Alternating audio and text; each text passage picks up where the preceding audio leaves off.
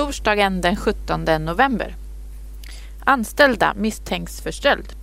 Sju anställda på Casino Cosmopol i Göteborg misstänks för brott.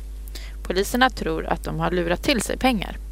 Kasinots lokaler övervakas av kameror. Det är med kamerornas hjälp som stölderna avslöjats. De sju misstänkta är mellan 23 och 40 år gamla. De har förhörts av poliserna men inte erkänt. Bussförare dömdes för dödsolycka. En bussförare i Enköping körde i vintras på en 14-årig flicka i centrala Enköping. Flickan blev påkörd utanför en skola och dog av sina skador. Nu har det varit rättegång. Domstolen säger att bussföraren körde vårdslöst och att det var hans fel att flickan dog. Föraren ska betala böter men slipper sitta i fängelse. Knarktunnel upptäckt i USA. Poliserna i USA har upptäckt en hemlig tunnel som gått från Mexiko till USA. Tunneln är nära 400 meter lång och har använts för att smuggla narkotika från Mexiko till USA. Poliserna har gripit två av smugglarna och tagit hand om 14 000 kilo marijuana som fanns i tunneln. På senare år har det blivit allt vanligare att smuggla droger i tunnlar. Bara i år har de amerikanska poliserna hittat 30 tunnlar som används för smuggling av narkotika. Mord var del av gängkrig. Förra sommaren dödades två unga män i Södertälje. De sköts till döds inne på en spelklubb. Året innan hade en annan man dödats på klubben. Morden var en del av ett krig mellan två gäng i Södertälje. Gängen slåss om makten över brottsligheten i Södertälje. Nu åtalas 17 män i ett av gängen. De är misstänkta för bland annat mord och kidnappning. Poliserna hoppas att åtalet ska stoppa kriget i staden. Det har blivit mycket lugnare i Södertälje sedan vi låste in de misstänkta, säger polischefen Patrik Ungsäter. Det har varit mycket svårt att få fram bevis mot de åtalade.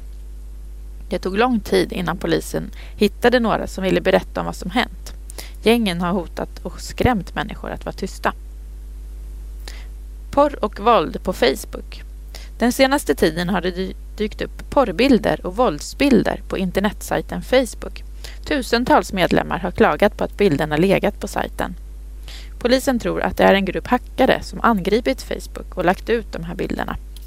Nu säger Facebooks chefer att alla porrbilder och våldsbilder är borttagna från sajten.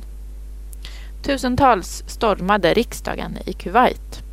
Massor av människor stormade på onsdagen in i landet Kuwaits riksdag.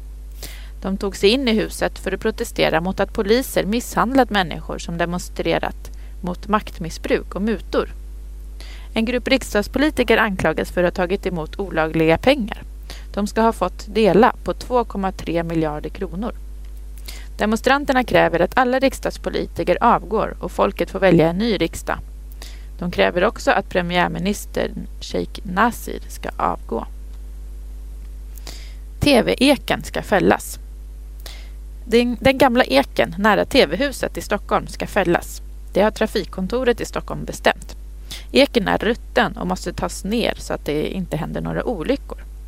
Det här är inget att diskutera längre. Barken på trädet är borta på massor av ställen och trädet är mer ruttet än vi trott, säger Björn Embrén som är ansvarig för skötseln av träd i Stockholm. Tidigare i höst har människor demonstrerat för att eken ska få stå kvar. Tysk nazistgrupp hade dödslista. För några dagar sedan avslöjade den tyska polisen en hemlig nazistgrupp. Gruppen misstänks ha sysslat med mord och terror mot invandrare. Poliserna tror att gruppen har mördat nio invandrare och en polis. Nu har poliserna hittat en lista med namn som gruppen hade skrivit. På listan finns 88 namn uppskrivna. Poliserna misstänker att gruppen planerade att döda alla på listan. Med på listan är många invandrare, men där finns även den kristdemokratiska politikern Hans Pater Uhl och Jerzy Montag från partiet De gröna. Åtta sidor TT.